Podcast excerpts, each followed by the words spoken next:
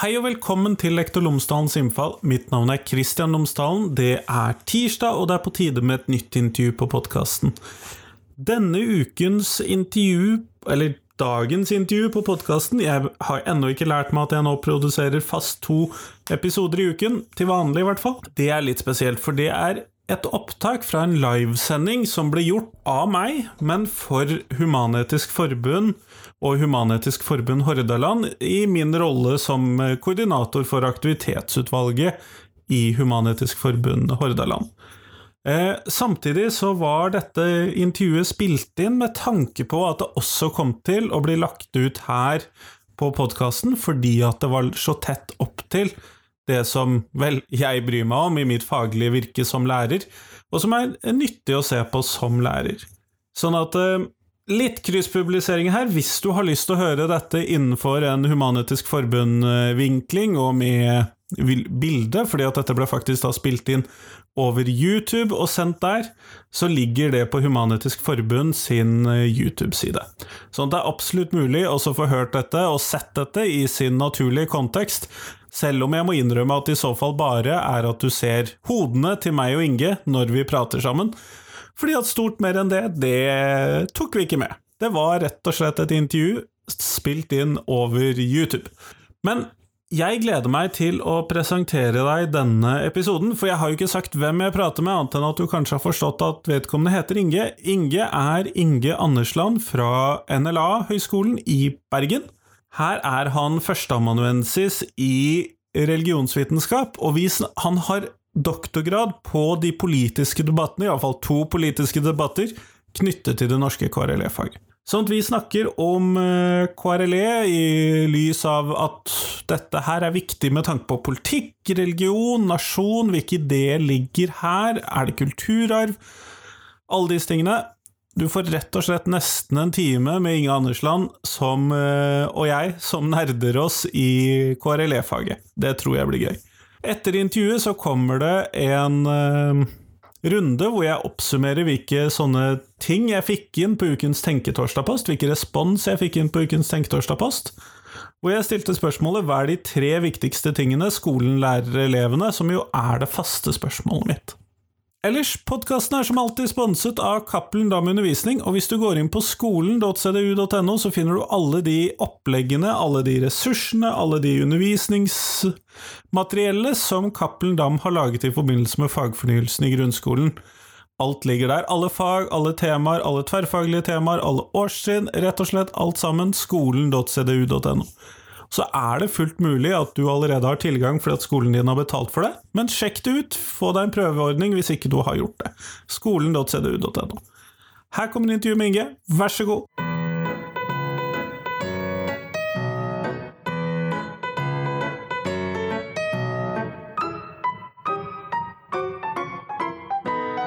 Hei og velkommen til eh, dere som ser på. Dette er et uh, livearrangement fra Human-Etisk Forbund, uh, og hvor vi rett og slett skal finne ut mer om de politiske sidene, de politiske debattene knyttet til KRLE-faget. Og velkommen, tusen takk for at du er her, Inge. Takk for at jeg får komme. Vi er jo nødt til å finne ut hvem du er, og da vil jeg gjerne at du forteller de som ser på, og de som hører på dette senere, tre ting om deg. Ok.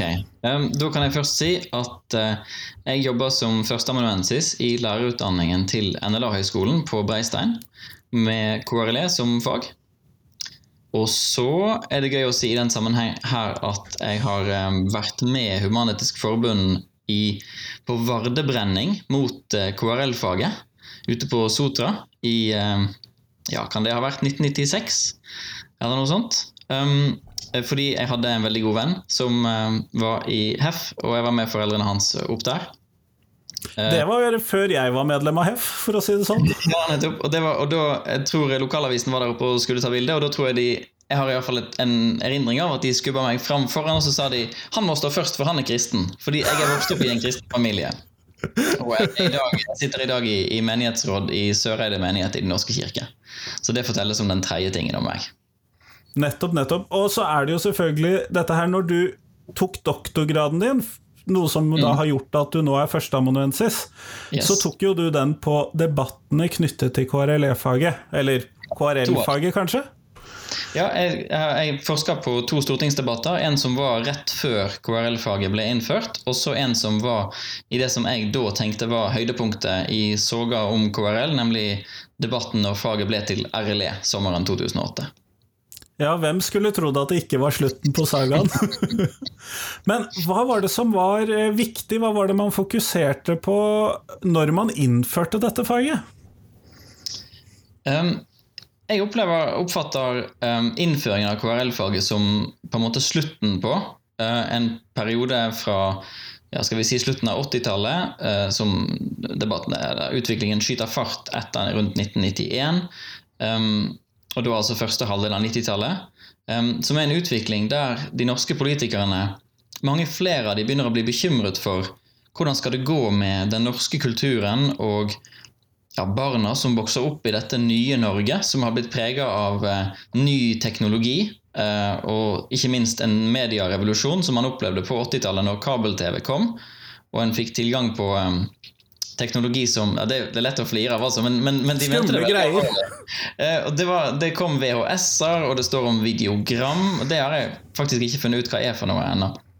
Men, um, men en opplevde et, en, en, voldsom bølge av amerikanisering. Og uh, sånn som jeg eh, tolker dataene, så, så gjorde det politikerne bekymra. Og, og, flere ble opptatt av at, at her måtte en liksom sikre noe av, av, det norske.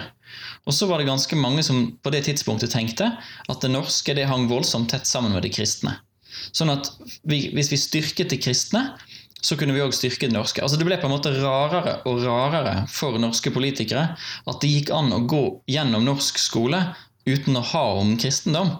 For sånn tenkte de om livssynsfaget, som jo var det på en måte alternativet. Den gangen så hadde vi jo et kristendomsfag som i utgangspunktet var for barn som hadde foreldre i Den norske kirke. Så hvis man tilhørte en eller annen livssynsminoritet, så hadde man enten livssynsfaget eller ingenting.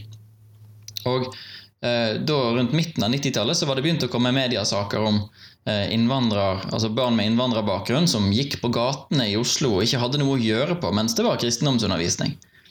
Eh, og det, er også, altså den, det som har med innvandring å gjøre, er òg en del av det bildet som på en måte vokser fram til at nei, vi må gjøre noe med religionsundervisningen i skolen, sånn at det skal bli lettere for barna å høre sammen og snakke sammen.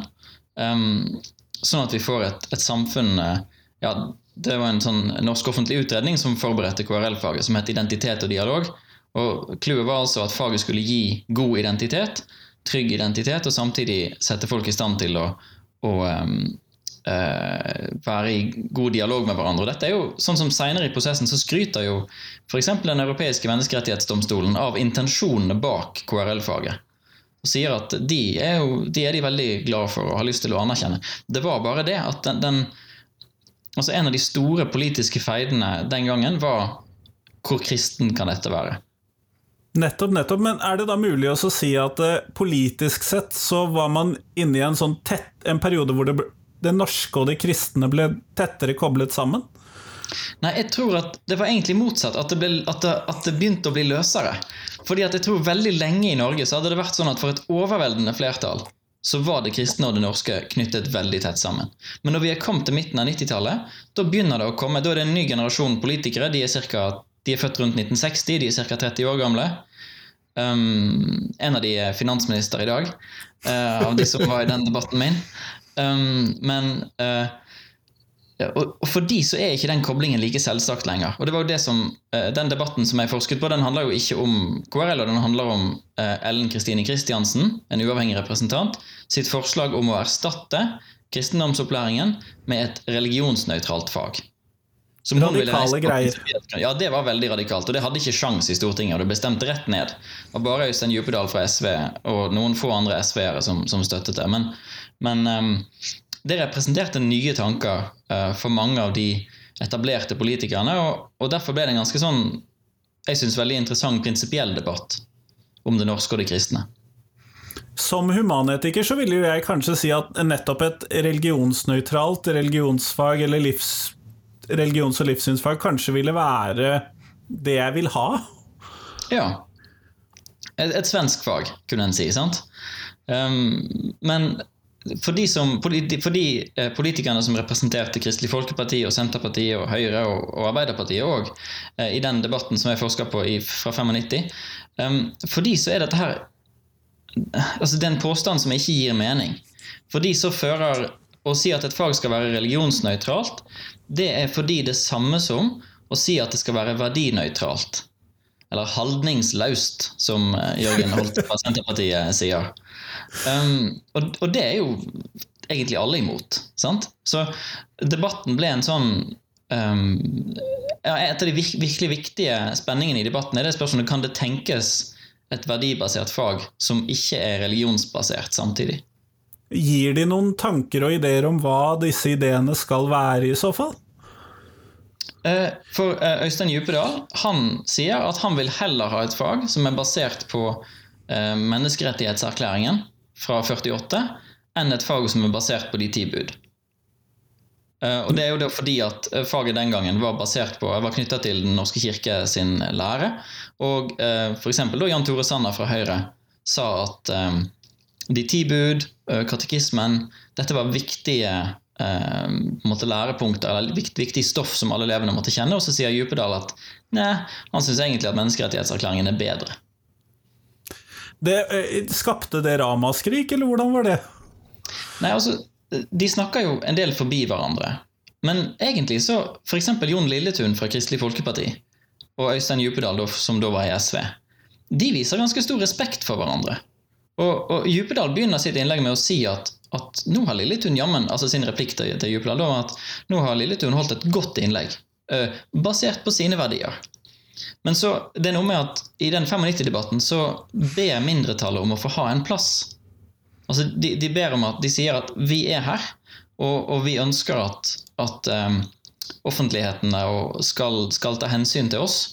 Mens Lilletun på sin side da sier at når over 90% tilhører et kristent livssyn, så kan vi ikke forandre på, vi kan ikke forandre på formålsparagrafen for skolen f.eks. For bare fordi at vi har fått noen prosenter um, med et annet livssyn. Så jeg oppfatter det også som et sånt tidlig Eller dette var et punkt der vi kan se at livssynsminoritetene ble tydelige stemmer på Stortinget, men ikke ennå store nok til at det store flertallet måtte ta hensyn til de i faktisk politikk. da. De var en, rett og slett en minoritet på Stortinget? Ja, i, i høy grad. I og særlig i den komiteen der, da. Nettopp, nettopp. Eh, men er det da For du har trukket fram Ellen Kristiansen, som da har en litt sånn friløperrolle rundt på Stortinget. Mm. Og så har du Gudmund Hernes fra Arbeiderpartiet, som da blir snekkeren til slutt. Han var jo statsråd på det tidspunktet her og hadde store planer og hadde egentlig ikke tid til sånne distraksjoner som Ellen Kristiansen sitt forslag. Nei. Han ville eh, videre. Men du nevnte Senterpartiet her i stad. Hvordan eh, kom de inn i dette? Eh, I, i 95 så, så, var Senterpartiet store på Stortinget. Og um, I den stortingsperioden som var mellom 93 og 97, så var vi på et tidspunkt bare én dag unna å ha en mindretallsregjering som kun var fra Senterpartiet. Um, Arbeiderpartiet satt med regjeringen alene, men de hadde en, det var en, en minoritetsregjering, og de var avhengige av støtte, og fikk ofte støtte fra KrF og Senterpartiet sammen. Så de hadde flertall sammen, de tre. Eh, så Senterpartiet var, var, på en måte så nærmt du kan komme å være et styringsparti uten å sitte i regjering. Da, så de var ofte en del av budsjettflertallet i denne perioden. Um, men i praktisk politikk når det handler om kristendom, så var dynamikken i komiteen for, um, for, utdanning sånn at Senterpartiet var ofte mer skal vi si, konservative eller mer opptatt av de kristne enn KrF var um, den gangen. Eh, men var dette særlig knyttet til uh, kristen tro, eller var det mer kulturarv, sånn som vi ser i dag? Det, det er absolutt sånn at det er det med kulturarv som er tydeligst. Sånn at det kan handle om eh, samfunnet sine fundamenter. Altså De er glad i å snakke om Grunnloven. Um, og en, en, snakker om det norske. Sånn at um, av, av, det med å trekke opp faktisk Altså det som vi liksom, religionsvitenskapelig kunne liksom, snakke om som eh, fokus på eh, kristen bekjennelse, kanskje, eller sånne ting, så er det noen spor av det hos KrF, og så er det dette hos Jan Tore Sanner med at han er, Jan Tore Sanner tar opp nemlig det der med kulturarv, og han sier nei, nei, det er ikke bare kulturarv. Det er faktisk skikkelig kristendom de skal lære her. Um, men i, i, hos Senterpartiet så, så, er det veldig tydelig at de vil ha et fag som alle skal være med i. Um, vi må ta hensyn til at det ikke passer så godt for alle. og sånn, så jeg tror Det er jo ingen som vil ha forkynnelse i skolen for eksempel, på det tidspunktet her. Men, men absolutt en tung sånn kulturarv. Nettopp. Jeg ville jo kanskje si ut ifra de, sånn, de, små tingene som jeg hører fra deg nå, at jeg ville nok oppfattet en del av dette som forkynnelse hvis f.eks. Senterpartiet da fikk det som de ville. Ja, og det, Dette her diskuterte jeg med en, en student eh, i dag tidlig, faktisk. Som ville skrive oppgave om, om hva, hvordan vi skal forstå dette med forkynnelse i, i KRLE-faget, som det heter nå, eh, som jo er eksplisitt forbudt. Sant? Det står i opplæringsloven at det skal ikke være forkynnelse i faget. Men, og Hennes utfordring var at hun, fra, hun hadde kristen bakgrunn, kom fra, var vant til eh, kristne møter og sånn. Hun strevde med å skjønne helt fordi for, Nå legger jeg ordene i munnen på henne, men for egentlig så har jeg hatt den samme opplevelsen sjøl. Men eh, det er noe med at hvis du er vant til kristen forkynnelse på et søndagsmøte, der noen sier til deg at 'Jesus er veien, sannheten og livet', du må tro på han, ellers så kommer du til å gå fortapt, kanskje. Det er veldig få som sier det òg i dag. Men, men, det er liksom krystallklar forkynnelse, ikke sant? Jeg vet ikke om noen som sier sånne ting i dag i, i KRLE-fag, eller som argumenterer for at noe sånt bør være der. sant? Og jeg tror det er noe annet de mener når det står at det ikke skal være forkynnelse i faget. Så kanskje vi må forstå det der med forkynnelse som sant? i hva grad er det egnet til å påvirke elevene til å tro at kristendom er en bedre religion enn andre, f.eks. Eller noe sånt noe. Men eh, så eh, med forkynnelsesbegrepet så jeg, jeg, tror på de, både Lilletun og, og Holte og gjengen, um, når de sier at det ikke skal være forkynnelse i faget. Men det, jeg tror da at alle de har vært på et bedehus og hørt forkynnelse. Um, Ordentlig forkynnelse!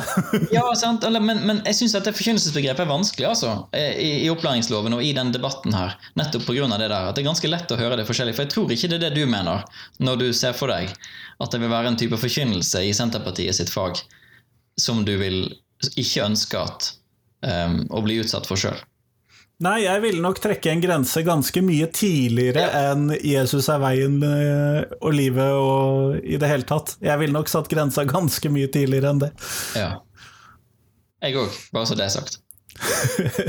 Eh, men har du noe Hvordan tenkte da Senterpartiet? For du fortalte meg et sitat tidligere, kunne du gjenta det sitatet fra Senterpartiet der? Ja, altså Det er, en, eh, det er et et litt mystisk sitat, vi, sier vi. Og det sier vi litt for å være, være snille, kanskje. Men, men um, det er en Jeg skal hente det opp der. Altså, det, han som sier dette, han heter Jørgen Holte. Uh, jeg tror han var fra Volda, men det er jeg ikke helt sikker på akkurat nå.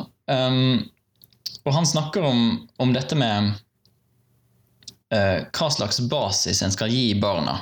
Og, og at um, forankring og identitet gjør barn og voksne trygge. Det har vi alle erfaring fra, sier han.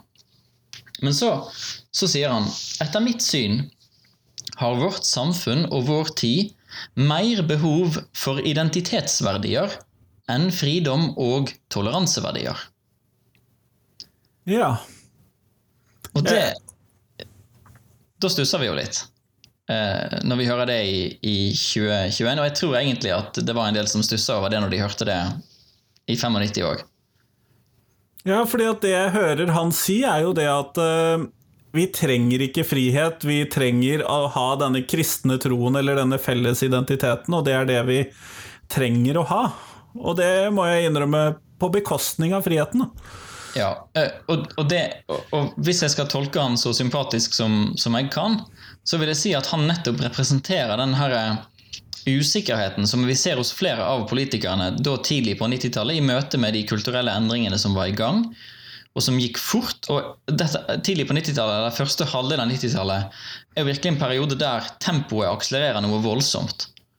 Um, I den kulturelle utviklingen av Norge, bl.a. i møte med amerikaniseringen. Og, men hele den det som etter hvert ble den 90-tallsbølgen med globalisering og muren faller og verden forandrer seg noe voldsomt. Og internett har jo nettopp blitt installert, og Jeg tror ikke han visste om internett i 1995, men det, det kan være helt feil. Kanskje han var en tidlig bruker. Um, Jeg satt på internett i 95 i hvert fall, sånn at eh, ja, det, jeg tror ikke jeg gjorde det. Eh, Men da var jeg ti år gammel. Ja, jeg tror vi fikk modem litt seinere. Um, men um, men jeg tror jeg, så, så det Altså, jeg tror at han på en måte ville ha rista veldig på hodet hvis, hvis han hadde hørt at vi tolka han som at han ikke ville ha frihet og toleranse. ikke sant? Poenget hans er at det finnes massevis av frihet og toleranse i vårt samfunn. Og, og, men nå holder vi på å bevege oss inn i, en gren, inn i et område der ungdom og barn og ungdom kommer til å miste fotfestet og ikke lenger vite hvor de skal gjøre av seg, fordi at vi tar fra dem alle identitetsverdiene, som, som er det ordet han bruker. Og så vil han ha et kristendomsfag som skal sørge for at alle får sånne identitetsverdier. Og, så, og dermed så viser han jo nettopp at, at det kanskje ikke er så fritt som, som, en, eh, som vi ville ønske oss i dag. ikke sant? At når han kan løse identitetsproblemet med å sørge for kristendom for alle. Verden har rett og slett blitt skikkelig skummel. Det, ja, De sier jo ikke det, men det er, det er litt av det inntrykket jeg får. ja. Nettopp, nettopp. Men vi har jo da dette faget her eh, en del år. Eh, og det er jo dette første faget som de innfører etter denne debatten, som er det faget som blir tatt til Menneskerettighetsdomstolen. ja. Eh, og så kommer vi da til en ny debatt som du så på, det er da debatten i 2008. Hvilke sånne hovedlinjer hovedtrekk er det som eh, ligger der? Den debatten er enklere å forstå på den måten at for det første så er Stortinget delt i to. Da hadde vi fått eh, den rød-grønne Stoltenberg-regjeringen som hadde flertall, med Arbeiderpartiet, SV og Senterpartiet. Um, mens vi hadde en borgerlig opposisjon med Høyre, Kristelig Folkeparti og Fremskrittspartiet og Venstre. Um, og folk, altså Den liksom, politiske tonen den gangen var at de borgerlige kom til å vinne, så de borgerlige søker veldig sammen. Altså vinne valget i 2009, sant, som var det neste valget. Um, så de borgerlige søker sammen, og, og, og det var samtidig også en tid med, med store kompromiss. Altså Dette var den perioden der de gjorde um, annet kirke-stat-forliket begynte på det. Uh, um, begynte på uh, endret på formålsparagrafen sammen. sant? Men de klarte ikke å, å danne et sånt bredt flertall om det som da var KRL-faget. Og det var bl.a. fordi at KrF nektet å fjerne K først i KRLE. De ville at navnet skulle begynne på kristendom. Og jeg tror sannsynligvis, men det vet jeg ikke, at SV ville bruke flertallsregjeringen til å sørge for at den K-en forsvant.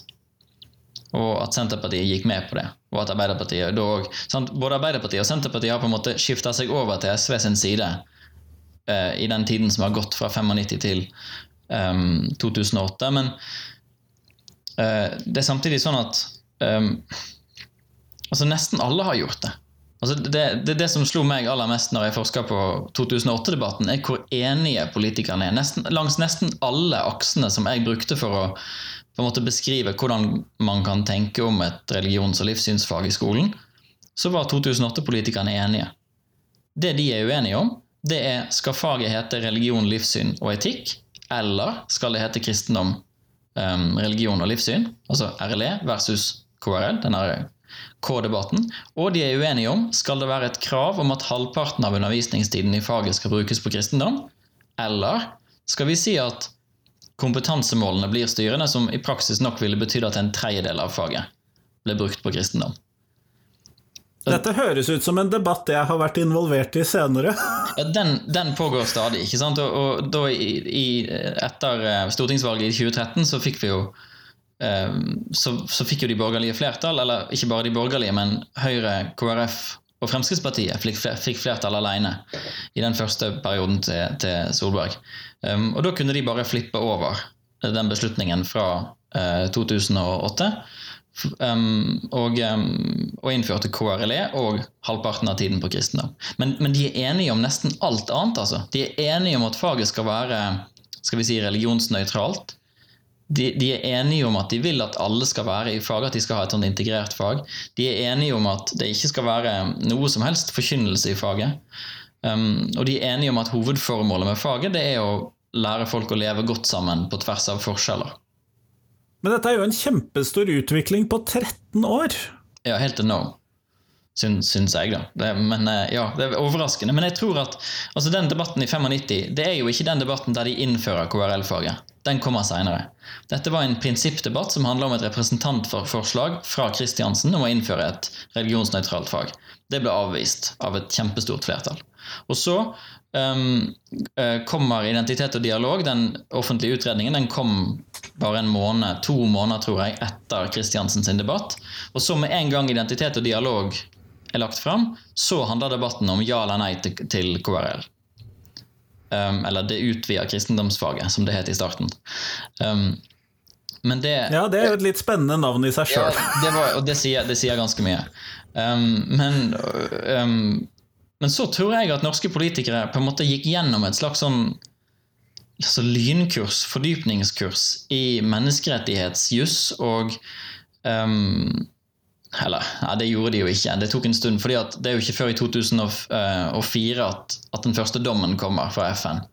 Men på en måte Når KRL-faget først ble innført, så er det ingen etterpå som sier vi må gå tilbake til oppdelt religionsundervisning. Det er noe med at den der, den der grunnideen om at elevene bør sitte sammen i den offentlige skolen og lære om forskjellige religioner og livssyn, når den først har kommet inn i praksis, så, så, så, så er det ingen som eller da er privatskoler på en måte alternativet til den.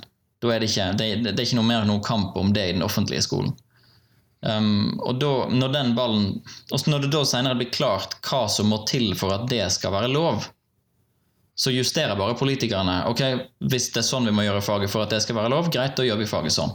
Det er aldri på noe tidspunkt snakk om å gå i revers og si at vi skal gå tilbake til den modellen som vi hadde før 97, som jo menneskerettighetsmessig sett er helt konge. Ja, den har de jo i flere land, andre land også. Ja, absolutt. Det er en kjempevanlig måte å gjøre det på. Har kristendomsfag som er konfesjonelt kristent, med full fritaksrett. Men den fritaksretten noen... vil de ikke ha. Nei. Men var det noen uh, Var det noen nøkkelpersoner som er viktig å trekke fram fra denne 2008-debatten som du fokuserte på? Um, i, i, den, I, 2008 så, så, er ikke debatten like personprega som man var i, i 95. Litt òg fordi at de er så mye enigere. Men eh, Dagrun Eriksen førte ordet for KrF og var saksordfører. Og eh, jeg tror at, at, hun spilte en veldig stor rolle i det å um, Hun prøvde først å få til et forlik. Jeg tror ikke regjeringen i utgangspunktet la opp til et forlik, for de skjønte nok hva som da måtte ha har vært nødvendig. Og så, um, og så når, da, når, det ikke gikk, så er det jo hun som måtte legge fram det som da blir min, uh, mindretallet sitt, sitt ståsted. Um, og hun uh, Ja. hun har f.eks. et ganske tøft bilde, for de snakker om hvordan, hvordan uh, Altså fra regjeringspartiene dette er jo når vi har fått en dom fra EMD i 2007. Den, dommen kom i 2007, debatt i 2008 for å innføre RLE-faget. Så sier opposisjonen men folkens, vi gjorde jo masse endringer i 2005. Vi har jo gjort masse endringer med KRL-faget. De der greiene fra 1997, det har vi håndtert. Vi er ferdig med dette her. Dette, hvorfor kommer dere med dette nå? Um, og så sier eh, regjeringen at vi har bedt våre advokater om å komme opp med noen forslag som skal sørge for at det ikke kan være tvil om at faget er innenfor menneskerettighetene. Og så sier Dagrun Eriksen når du ber jurister om å si at det ikke skal være noen tvil, da kommer du òg innenfor passepartouten. Altså en, en passepartout som, som, du legger på et motiv før du tar på en ramme rundt. ikke sant? Som en sånn ja, ja. rundt bildet. Og det er det hun sier, at dette her er et sånt SV-tillegg som blir den der passepartouten som de må ha rundt KRL-faget. Som egentlig ikke er nødvendig, for det er ikke mot menneskerettighetene, det KRL-faget som finnes allerede fra 2005. Um, men um, men sånn blir det nå fordi at flertallet har gått med på det som, ja, å innføre dette her SV-tillegget som blir en sånn passepartout. Jeg syns jo både, både begrepet SV-tillegg og passepartout for, dette her er ganske gøye begreper og bilder for eh, mangelen på 50% da. Ja, altså, og det, for det er nettopp det er kun det det viser til. sant? 50% kristendom og vekk med K-en. Eh, og da har du jo nevnt dette fordi at den fritaksretten som vi har i dag, og som vi har eh, fått inn i KRLE, inn i disse religionsfagene, mm. er der jo allerede. Mm. Sånn at den er, blir ingen diskusjon om i 2008-debatten. Nei, altså jeg tror at jeg tror, eh, jeg tror de gjorde en liten endring i paragraf 2-3 Eller 2-3a Ja, om 2-3A. fritak. Eh, At de tok inn en liten setning om den positive grunnen til fritaksretten. Sånn at når de først var inne liksom og, og så på dette her, så Og da tror jeg faktisk at eh, opposisjonen fikk med seg alle sammen på det. Um, men selve fritaksordningen um, var, gjorde de jo masse med i 2005, når de gjorde den store opprydningen. uh, og, og sørget for at det ble uh, ja, både informasjon på alle mulige språk og, og, og veldig mye enklere å få fritak. Nettopp, nettopp. Og det ville jo overraske meg hvis de hadde lyst til å prøve å gjøre noe med den når de hadde laget en helt ny fritaksparagraf bare tre år tidligere. Ja, men, men det stoppet de jo overhodet ikke når det gjelder eh, paragraf 2-4. Den ble jo endret kraftig bare fra 2005 til 2008. Og for de som da hører på, så er jo paragraf 2-4 det er KRLE sin paragraf. Ja, Dette ordinære faget som er så ordinært at det har sin helt egne paragraf i opplæringsloven. I motsetning til alle de andre ordinære fagene. Riktig.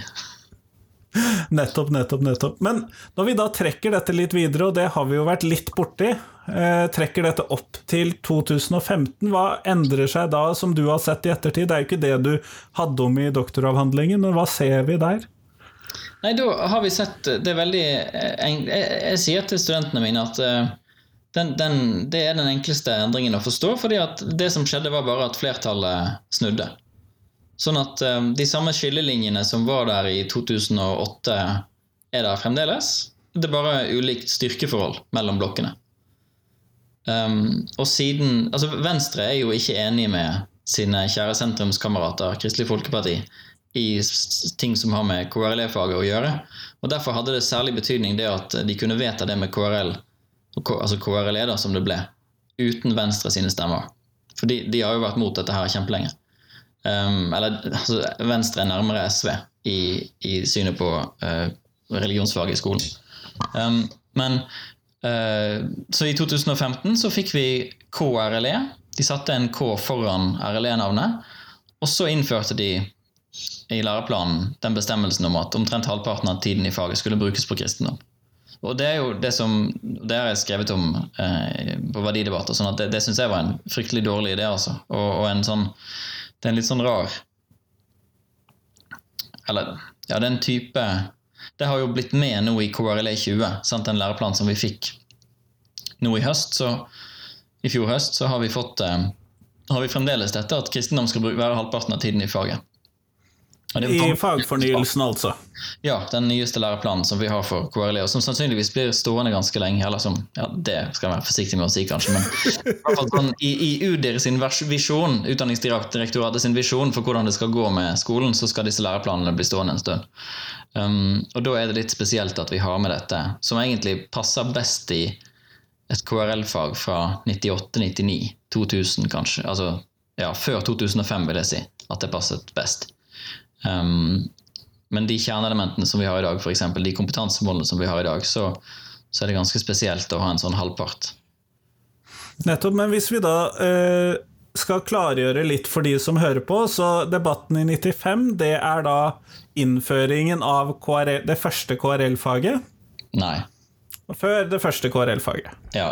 Debatten i 95. Prinsippdebatt. Ja eller nei til religionsnøytral religionsundervisning i den offentlige skolen. Men før KRL KRL-faget ble innført. Ja. Så har vi 2008. Da er det etter Det er før vi innfører RLE-faget. ja, det er der RLE blir innført, fordi at KRL-faget fra 97 enda en gang har blitt dømt av en menneskerettighetsdomstol. Og så har vi 2015. Det er da vi setter på en K igjen, sånn at det blir KRLE. Mhm. Og Og 2020. Flertallet har skiftet. Og 2020 så heter det fremdeles KRLE. Ja. Det gjør det. Og det, kan jeg si en ting som jeg syns er morsomt? Her, og det, det er morsomt. Det er fryktelig avslørende om min nerdethet og, og hvordan man kan bli når man holder på for lenge med disse greiene. Men at det går an å synes at det er morsomt. Men det er påfallende i alle fall at i 2008-debatten så sier de borgerlige representantene at bare, bare ok, bare kjør på. Bare vedta dette her RLE-greiene deres. Det kommer ikke til å bli stående. For det kommer et nytt valg. Da snakker de om 2009. Og vi kommer til å vinne det valget. Og når vi vinner det valget, så kommer vi til å sette på igjen K-en og reversere det som dere har gjort. Sånn at det de gjorde i, i den avtalen i 2013, altså på høsten 2013, når det var blitt en ny regjering, og som ble innført i 2015, det var bare at de leverte på de løftene som de hadde gitt i 2008-debatten. Men det hadde gått fire år. Og det hadde en enorm konsekvens at Stoltenberg-regjeringen vant valget i 2009 og fikk en periode til.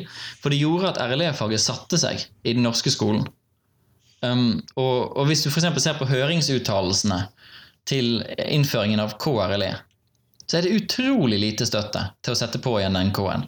Folk hadde fått en sånn følelse av at nei, ok, nå har det landet med dette her med RLE. Det er liksom, det er greit nok. Um, og, og selv blant uh, aktører som en hadde forventa at vil, i utgangspunktet ville vært mot skiftet til RLE, så var en motstander av å sette K-en på igjen. Nettopp, nettopp. Og dette var jo mange av de mange av de aktørene som Heff var jo selvfølgelig motstander av å sette på igjen K-en. Noe annet ville jo kanskje vært uh, rart. Uh, og det ble jo ytret fra Heff sin side i 2014, var det vel, at uh, man Da får vi heller bare kutte ut faget uh, i en eller annen variant. Nå uh, sier jeg ikke dette direkte sitat, fordi at da var vi lei av bråket rundt dette. Men ellers så var det jo mange av de som det var jo ganske klare kristne institusjoner som sa, ja, eller som sa nei til å sette inn K-en igjen i 2015. Mm. Og jeg tror at det representerte, eller det, det, var en sånn indikator på at dette her eh, sammentenkingen av det norske og det kristne, som vi var innom tidligere i samtalen Når vi var kommet til 2015-2014, så hadde den endringen spredt seg blant veldig mange flere i det norske samfunnet. Sånn at til og med f.eks. Den norske kirke kunne tenke hadde et annet forhold til, veldig annerledes forhold til den offentlige skolen enn eh, det kirken hadde f.eks. i 1995-1996. Og, på, og, ikke på samme måten tenkte på det som sin skole og sitt fag. Nettopp. Og jeg gjør meg jo da noen refleksjoner her, fordi at eh, kan det være at disse som var redd for alt det skumle da i 1995, eller alt det nye, alle disse endringene Kanskje nettopp KRL, eh, religionsfagsdebattene over disse noen og tjue årene er et eksempel på dette? Mm alle disse endringene som skjer. Hva tenker du om det? Selv om det er jo ren synsing. ja, det er det, men, men jeg, jeg, jeg, tror at, at, når vi skal fortelle historien om, om hvordan Norge har forandret seg fra, fra 1990 til 2020, da, eller noe sånt, så er, er den fortellinga soga om KRL eh, Det er en av måtene å fortelle den historien på. Um, et annet parallelt spor som ville vært og veldig nyttig, ville være å, å følge rundt, opp rundt lovgivning rundt uh, samliv, homofilt samliv. Sant? Og sett på partnerskapslov og ekteskapslov og sånne ting. Og det er jo den her um, uh, I 2008-debatten så er, der er jo Fremskrittspartiet med. De var ikke med på samme måten i, i 95 fordi at Kristiansen hadde meldt seg ut og sånn. Men um, for Anders Anundsen, som var fra Fremskrittspartiet i 2008-debatten, så lister han opp på en måte alt det som den rød-grønne regjeringen gjør som raserer det norske verdigrunnlaget. Og da er det å fjerne bordbønnen, tror jeg, fra skolen, som Djupedal eh, var ute og mente noe om. Og så er det dette her med formålsparagrafen. Og så er det eh, Så nevner han kjønnsnøytral ekteskapslov.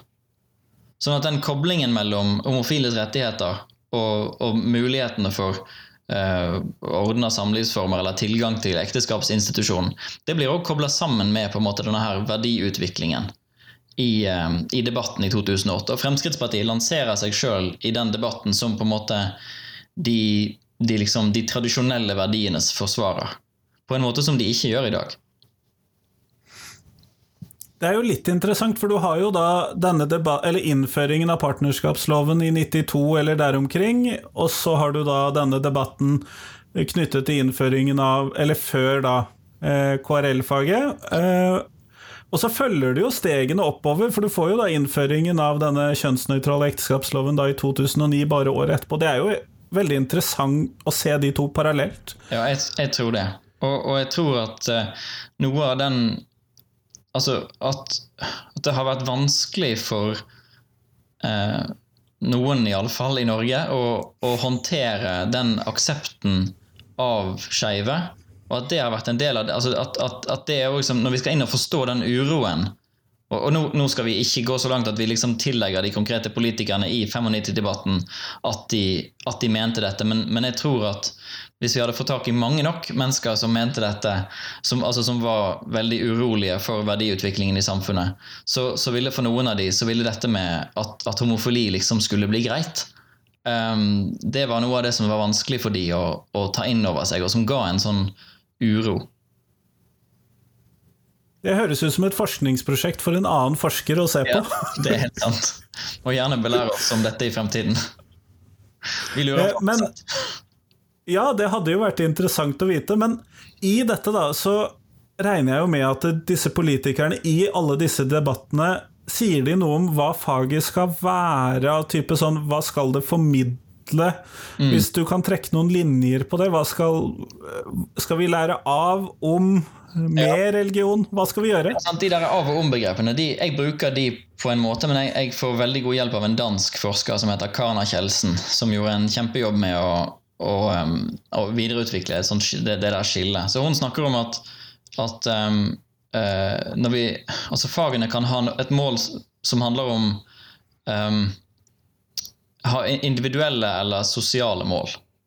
Uh, og jeg hadde trodd, når jeg begynte på dette her, så trodde jeg at at jeg ville se at i 1995 så var de opptatt av individet og individets identitet og sånn, mens i 2008 så var de opptatt av fellesskapet og hvordan man skulle lære seg å være en del av fellesskapet.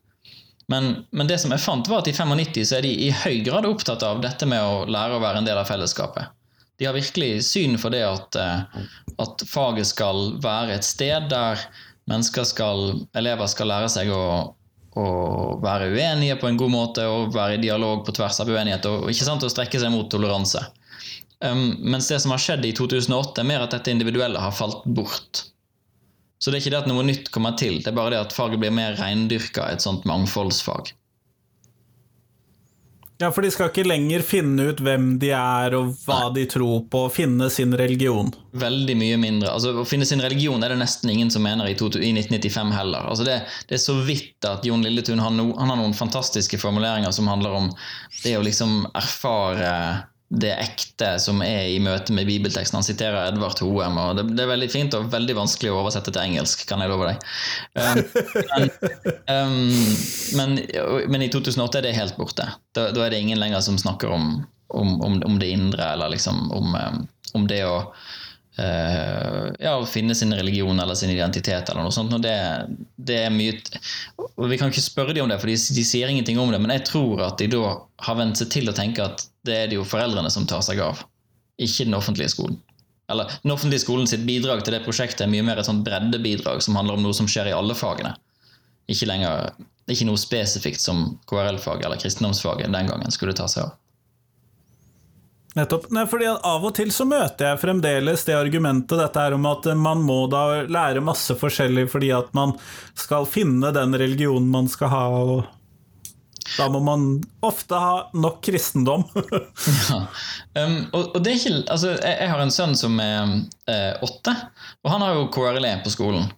Og så spurte jeg han om, om, um, om, om hva de lærte om, og han lista opp liksom forskjellig. De hadde hatt om buddhisme, og de hadde hatt om kristendom, og de hadde hatt om islam, og de hadde hatt om jødedom og sånne ting. også. og vi går jo i kirken, og han er, han er jo veldig Han er vant til å be og, og alt sånt. Men jeg spurte han hva, hva tror du på da, Jonathan? Jeg tror på alt sammen. Eh, og det, det, er sånn som, det er jo sånn som mange har vært bekymra for. ikke sant? Det som har vært en sånn faglig bekymring når vi, når vi underviser seks, syv, åtte, niåringer om all slags ulike religiøse tradisjoner, skaper vi da en generasjon med religiøst forvirrede mennesker. Um, og, og, på en måte så kunne jo svaret hans tyde på det, men jeg tror egentlig at det ikke gjør det. Altså jeg tror at Selv om han sier det, og, om han tenker det nå eller noe, så, så er det ganske få det har ikke blitt noen sånn bølge av en sånn KRL-generasjon i Norge som går rundt og sier at de tror på alt.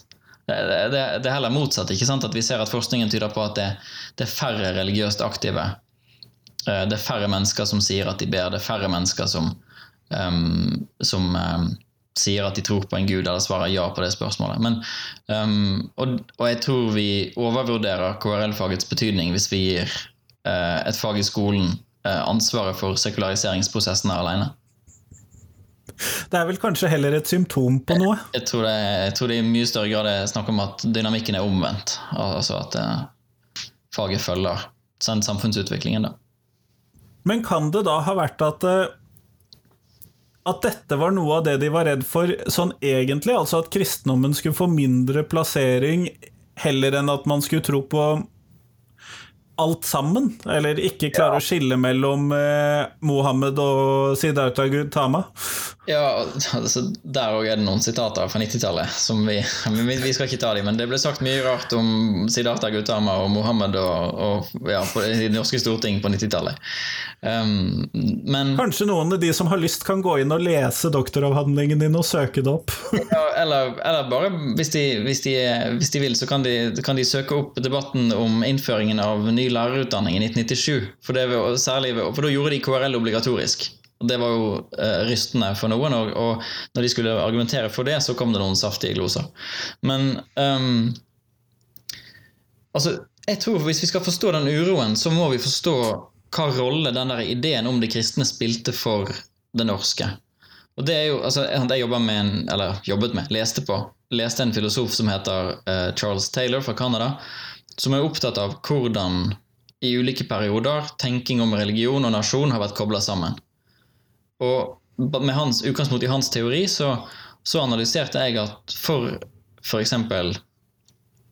Uh, ja, Jon Lilletun, da, eller i hvert fall særlig her, disse her fra Senterpartiet, er veldig tydelig, så, så, spiller kristendommen en utrolig viktig rolle. Men på en måte som religionsviter så er det vanskelig å si at det er som religion. Eller, ja, Vi kommer inn i et sånn komplisert felt ikke sant, med, med hva, hva, er religion for noe. Men det er noe med at for å være en skikkelig borger, så må du kunne din kristendomslære. Men det er ikke så viktig om du, hva du går rundt og tror på inni deg. eller Det er ikke så viktig om, om du går i kirken så og så ofte. Eller du bør nok kanskje være der på julaften. Um, men men det, noe, det, er ikke viktig å gå til nattvær, f.eks. Eller en, en, finner ingen sånn vektlegging av sånn Hvis vi forsker på ungdomskristendom i dag, så finner vi mange, stor vektlegging av opplevelser knytta til det å være en del av lovsang. være en del av fellesskap. Det er ingenting av det der. Men det er, det er snakk om å høre til i de strukturene som gjør deg til et voksent menneske. Også, Man må kunne forstå ordtakene. Ja, ja, det kommer de med, og man må kunne forstå Ibsen. Ehm, det blir nevnt fra en Arbeiderpartirepresentant i 95. Hvordan kan du forstå Brand hvis ikke du kan din kristendomslære? Og så kan vel norsklærere eh, forklare at det går fint an å akkurat fange opp Brandt og liksom lære seg det eh, uten å ha hatt 100 ehm, timer kristendom først. Men, men det, der, det å forstå hvor intenst og sterkt det var for dem uh, dette at man ikke var et skikkelig voksent menneske eller en skikkelig borger uten å ha kristendom, det, det er viktig for å kunne liksom, ha en ærlig dialog med den tidas politikere. Og, og, vi har jo dette i Norge fremdeles. Jeg tror at når vi, når vi, får debatten om skal vi fjerne korset fra flagget, som er en sånn Det, jo, det vi jo, må vi jo kunne snakke om, ikke sant? Eh, skal vi ha et flagg med kors i? Hvorfor skal vi det? Da vekker det veldig sterke følelser hos mange. Og jeg tror at det er en refleksjon av en gjenspeiling av, av noe av det som er igjen da, av, av denne koblinga av det norske og de kristne, eller de kristne som veien til det å være en, en skikkelig, et skikkelig voksent menneske, en, en god norsk borger. Men når vi da ser på dette, så må de jo ha gjort seg noen tanker om hva som var målet med at man i det hele tatt skulle ha en utdanning. Er det da bare dette her med at man skal bli en skikkelig borger, eller ligger det noe mer sånne utdanningsperspektiver knyttet til dette? Ja, nå, nå, vi hatt, Hvis vi kunne ha ringt en venn nå, så ville jeg ha ringt til Merete Ros. Um, som er forsker, og som har forsket på 1800-tallet. Og som har skrevet en nydelig bok som heter 'Kraften i allmenn dannelse' um, om debatter rundt norsk skole på 1840-tallet, bl.a. Og, jeg kan avsløre at hun kommer som en podkastepisode på podkasten min om ikke så altfor lenge. Ja, men Da gleder jeg meg til den episoden.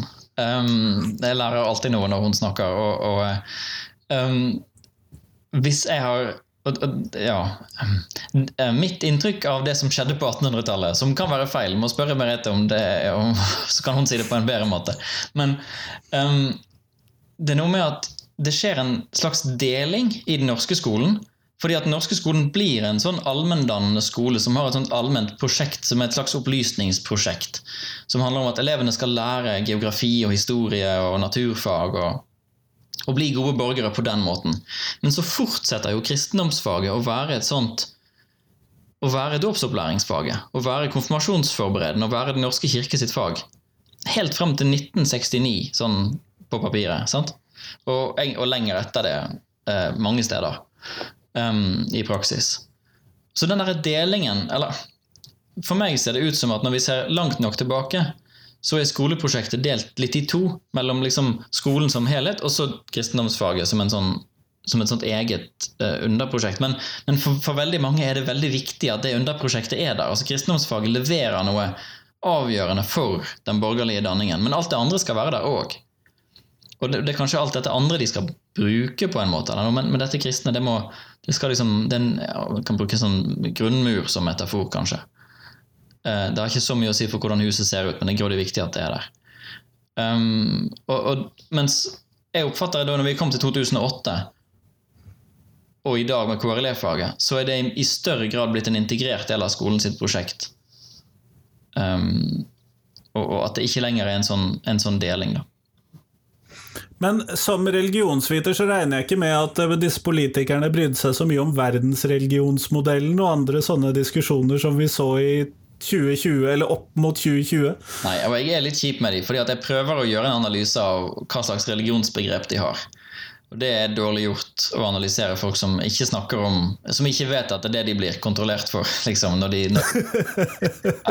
det, må, det må tas veldig forsiktig. Men men de snakker nok altså Verdensreligionmodellen altså Det at vi snakker om religioner som om det fins fem store religioner Ikke er det de fem største, og ikke fins de som sånne bokser heller. Og, og, så, men det gjenspeiler altså Det fins en Det er mer et slags folkelig religionsbegrep der vi snakker om religiøse tradisjoner som om de var enhetlige størrelser. Um, og, og det, det um, det, det, gjør de jo. ikke sant? Altså, de, de snakker om kristendom og, og men, men de, altså, som, så har de jo de har konfesjonskunnskap, de er jo klar over mangfold innenfor religionene. Men, men, den måten de snakker på, passer veldig godt med verdensreligionmodellen, da, for å si det sånn. Det er de er jo oppdratt innenfor den, alle sammen. Ja, ja er de det? For hadde, masse, altså De eldste av disse her hadde ikke mye religion, altså. Eller det var kristendom de lærte. Um, mange av de politikerne var jo barn på barn på 30-tallet og 40-tallet. Eh, Seinere da noen på 60-tallet. Men det er fremdeles ikke så veldig masse religionshistorie i norsk skole. altså. Det var enhetlige størrelser, i hvert fall det de kunne om dem, antagelig. Ja. var vel mer poenget mitt. Ja, det, det stemmer nok. Men de var veldig de var, Hernes, Hernes, skal være litt stygg med, med de andre i 95. Han, han, prøver å henge ut Djupedal og Kristiansen litt. Uh, og da, han, da sitter, leser han opp sitater fra læremønsterplanen fra 30-tallet om dette at uh, en skal respektere retten til å tenke fritt. Uh, og at det er liksom Hallo, liksom. Sånn har vi jo Dette er jo det vi er vant til. Vi har faktisk fått inn et spørsmål nå, Inge, og da er det faktisk et spørsmål som jeg burde ha tenkt på. Uh, så takk til Duncan for det. Har det noen gang vært en debatt hvor en har snakket om at andre land ikke har noen K, eller kristendom i sin En sånn utpreget sånn K i religionsopplæringen? Ja, altså ehm, det har vært et viktig motiv, eller en viktig del av argumentasjonen til de som var mot KRL-faget, særlig da SV ved Øystein Djupedal, å peke på ikke, ikke, så mye det der med K og sånn, fordi at um, det er jo mange land som har kristendomsfag som er, som er veldig konfesjonelt kristne, og som f.eks. Den katolske kirke driver helt sånn på egen hånd. At de bare bruker skolelokalene, sånn som konfirmasjonsopplæring var i Den norske kirke og, i den norske skolen um, når jeg var liten. Men, um, men det, det, det, gjelder formålsparagrafen. Altså, sånn som formålsparagrafen var i Norge fram til uh, 2008-2009. Um, dette med å gi elevene en, en, kristen og moralsk Eller hjelpe foreldrene da, med å gi eh, barna en kristen og moralsk oppdragelse. Um, det blir trukket fram som veldig spesielt i internasjonal sammenheng. og Det er en, det er en viktig del av, av, argumentet, eller av argumentasjonen for de som ønsker å endre det, å si at dette er sært, folkens. Dette er gammeldags. Sånn Også, men det, har, det, er ikke et argument som har veldig stor overbevisningskraft akkurat inne på Stortinget, men det er det veldig få argumenter som har. da. De har ofte bestemt seg før de har kommet så langt. Nettopp, nettopp. Og dette ser vi jo kanskje litt igjen i dagens formålsparagraf, når den har da dette med religionene før den peker på selve verdiene. Mm. Um, det er jo det, det, er, det, er, jo mange steder en som forsker kunne ønske seg å ha fått være flue på veggen. Um, jeg skulle veldig gjerne ha tak i en båndopptaker som hadde ligget inne på komitémøtene til komiteen som vedtok eh, formuleringen på den nye formålsparagrafen. Eller det som ble det. Og fordi at De gjorde jo dette grepet med at de plasserte kristen og humanistisk arv og tradisjon hva nå enn det er for noe, uh, foran listen med verdier som skolen skulle bygge på. Sånn at de verdiene istedenfor å være verdiene som skolen skulle bygge på, ble eksempler på verdier i kristen og humanistisk arv og tradisjon. Og for øvrig alt annet, sånn som det står um, lenger ned i paragrafen. Men det, um, det var et kompromiss, men jeg, jeg, jeg mistenker at, at, um, at det oppsto en slags stemning der de, der de syntes at det var en veldig klok ting å gjøre. Altså at, at nettopp fremdeles uh, Læreplanen, nei, Formålsparagrafen skriver jo òg om om dette med forankring, sånn som er et ganske interessant begrep. Uh, og, og, at um, Og med kulturarv. Um, og at de uh, Ja, at de sto for det at, uh, at barn som vokser opp, trenger å forstå i en tradisjon, og så kaller de den tradisjonen som flertallet i Norge står i, for kristen og humanistisk. Så jeg, tror jeg mye av problemet ligger i det at det, det begrepet er en sånn politisk konstruksjon. Uh, uten, helt klar eh, menings, uten helt klart meningsinnhold, i hvert fall. ja, den, altså, den, har, den, har, den, har, en sånt meningsinnhold som til enhver tid gjenspeiler det som flertallet syns at det burde bety. Så den men, er fleksibel.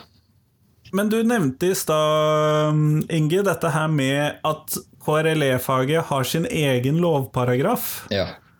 Ble, var dette en del av diskusjonen i det hele tatt, at faget skulle ha sin egen lovparagraf, eller var det mer litt sånn som bare lå der? Det var de vant til.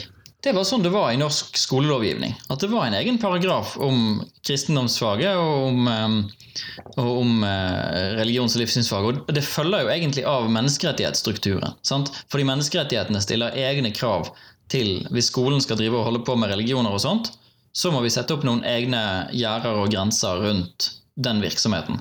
Så, så, selv om jeg ironiserer litt over det, så, så, så er det ganske logisk å, å måtte må stå noen ting om religionsdelen av, av skolens virksomhet uh, i, i, i, en opplæringslov. Men et, det er egentlig den setningen om at, at faget er et ordinært fag, som, som, er, som blir, litt pussig. Uh, selv om de mener de, de har veldig lyst til at det skal være det. Jeg må innrømme at jeg har vitset ganske mye med den setningen i forskjellige hef-sammenhenger. Det forstår jeg. Det, vi er ganske nerdete når vi gjør det, altså. Det går en ganske sånn kraftig eh, et kraftig Sier du, Inge, at noen kunne tenkt at du og jeg ikke er nerdete på dette faget? Nei, altså Nei, ja, det De togene der har gått for lenge siden. Nettopp. Men før vi runder av, Inge, så vi har holdt på i 55 minutter snart. Så lurer jeg på, er det noen sånn siste ting som du tenker at det er viktig at vi vet om disse debattene, om perspektivene her knyttet til nasjonalitet, et eller annet? Jeg syns det er viktig at vi ikke glemmer hvor fort dette samfunnet har forandra seg. Um, og selv om forandringen ikke gjelder for alle, og selv om disse spenningene og debattene fremdeles fins, så har de flytta seg uh, ut til å gjelde helt andre personer, eller minoritet, majoritet har forandra seg kraftig her. Og, og, hvis vi skal kunne fortsette å ha en god samtale om religion i offentligheten, om religion i skolen, så tror jeg at vi har veldig godt av å, å lese 90-tallstekster og, og, huske hvordan Norge var. Og, og, gjøre en ærlig jobb. Jeg er jo jeg er født i 85, ikke sant? så jeg, jeg er ikke gammel nok til å ha vært voksen og vært norsk eh, i 1995. Så for meg er det en jobb med å prøve å tenke seg tilbake og prøve å, prøve å forstå hvordan, hvordan, det kunne være, og, og hvordan de kunne eh, ende opp der de endte opp og mene det de mente. Og det, den, det tror jeg har stor verdi. da, At, eh, at vi, vi, øver oss i å ikke bare lytte i samtida, men at vi òg prøver å lytte, lytte bakover. Og, og, og, ta inn over oss eh, eh, hvordan de har gått an å tenke, og, og hvordan tingene hang sammen for de. Kjempeflott. Tusen takk for at du tok deg tid til å være med oss i kveld. Takk for at jeg fikk komme.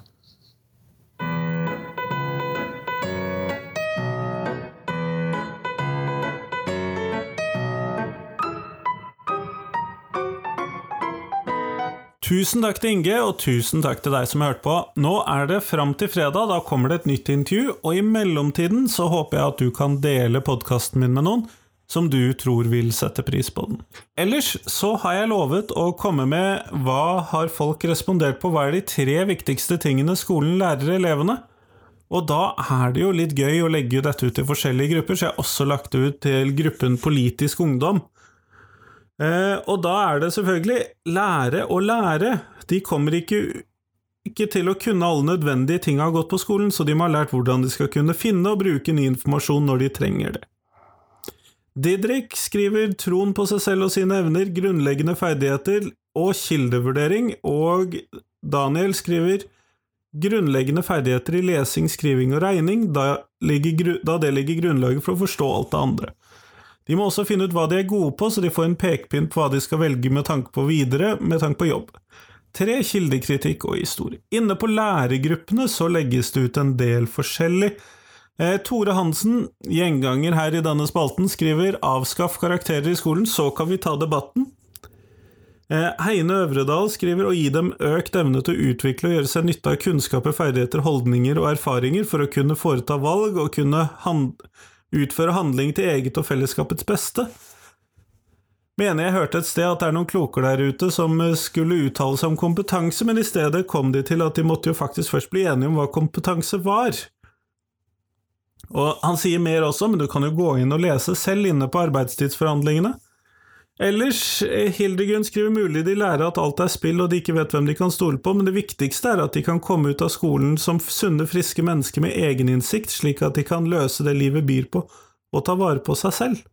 Kari Helen Drabløs Velde skriver medmenneskelighet, livsmestring og gode holdninger. Eh, inne på status lærer så kom det litt andre ting. Eh, Eivind Ytreide skriver samarbeid, kritisk tenkning og problemløsning.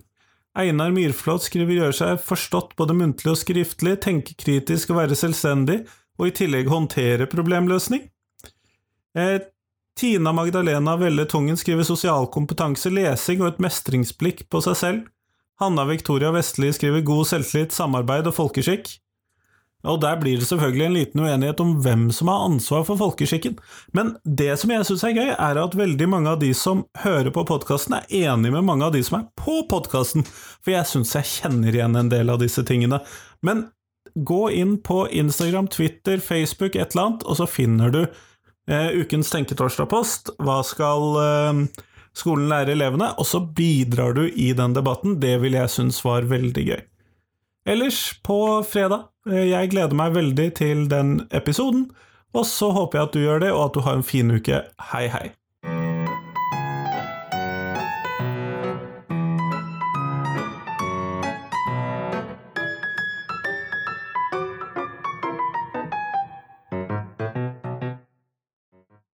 Husk at du kan gå inn på Facebook og finne Facebook-gruppen Lektor Lomsdalens innfall hvis du har lyst til å være med og diskutere norsk skole.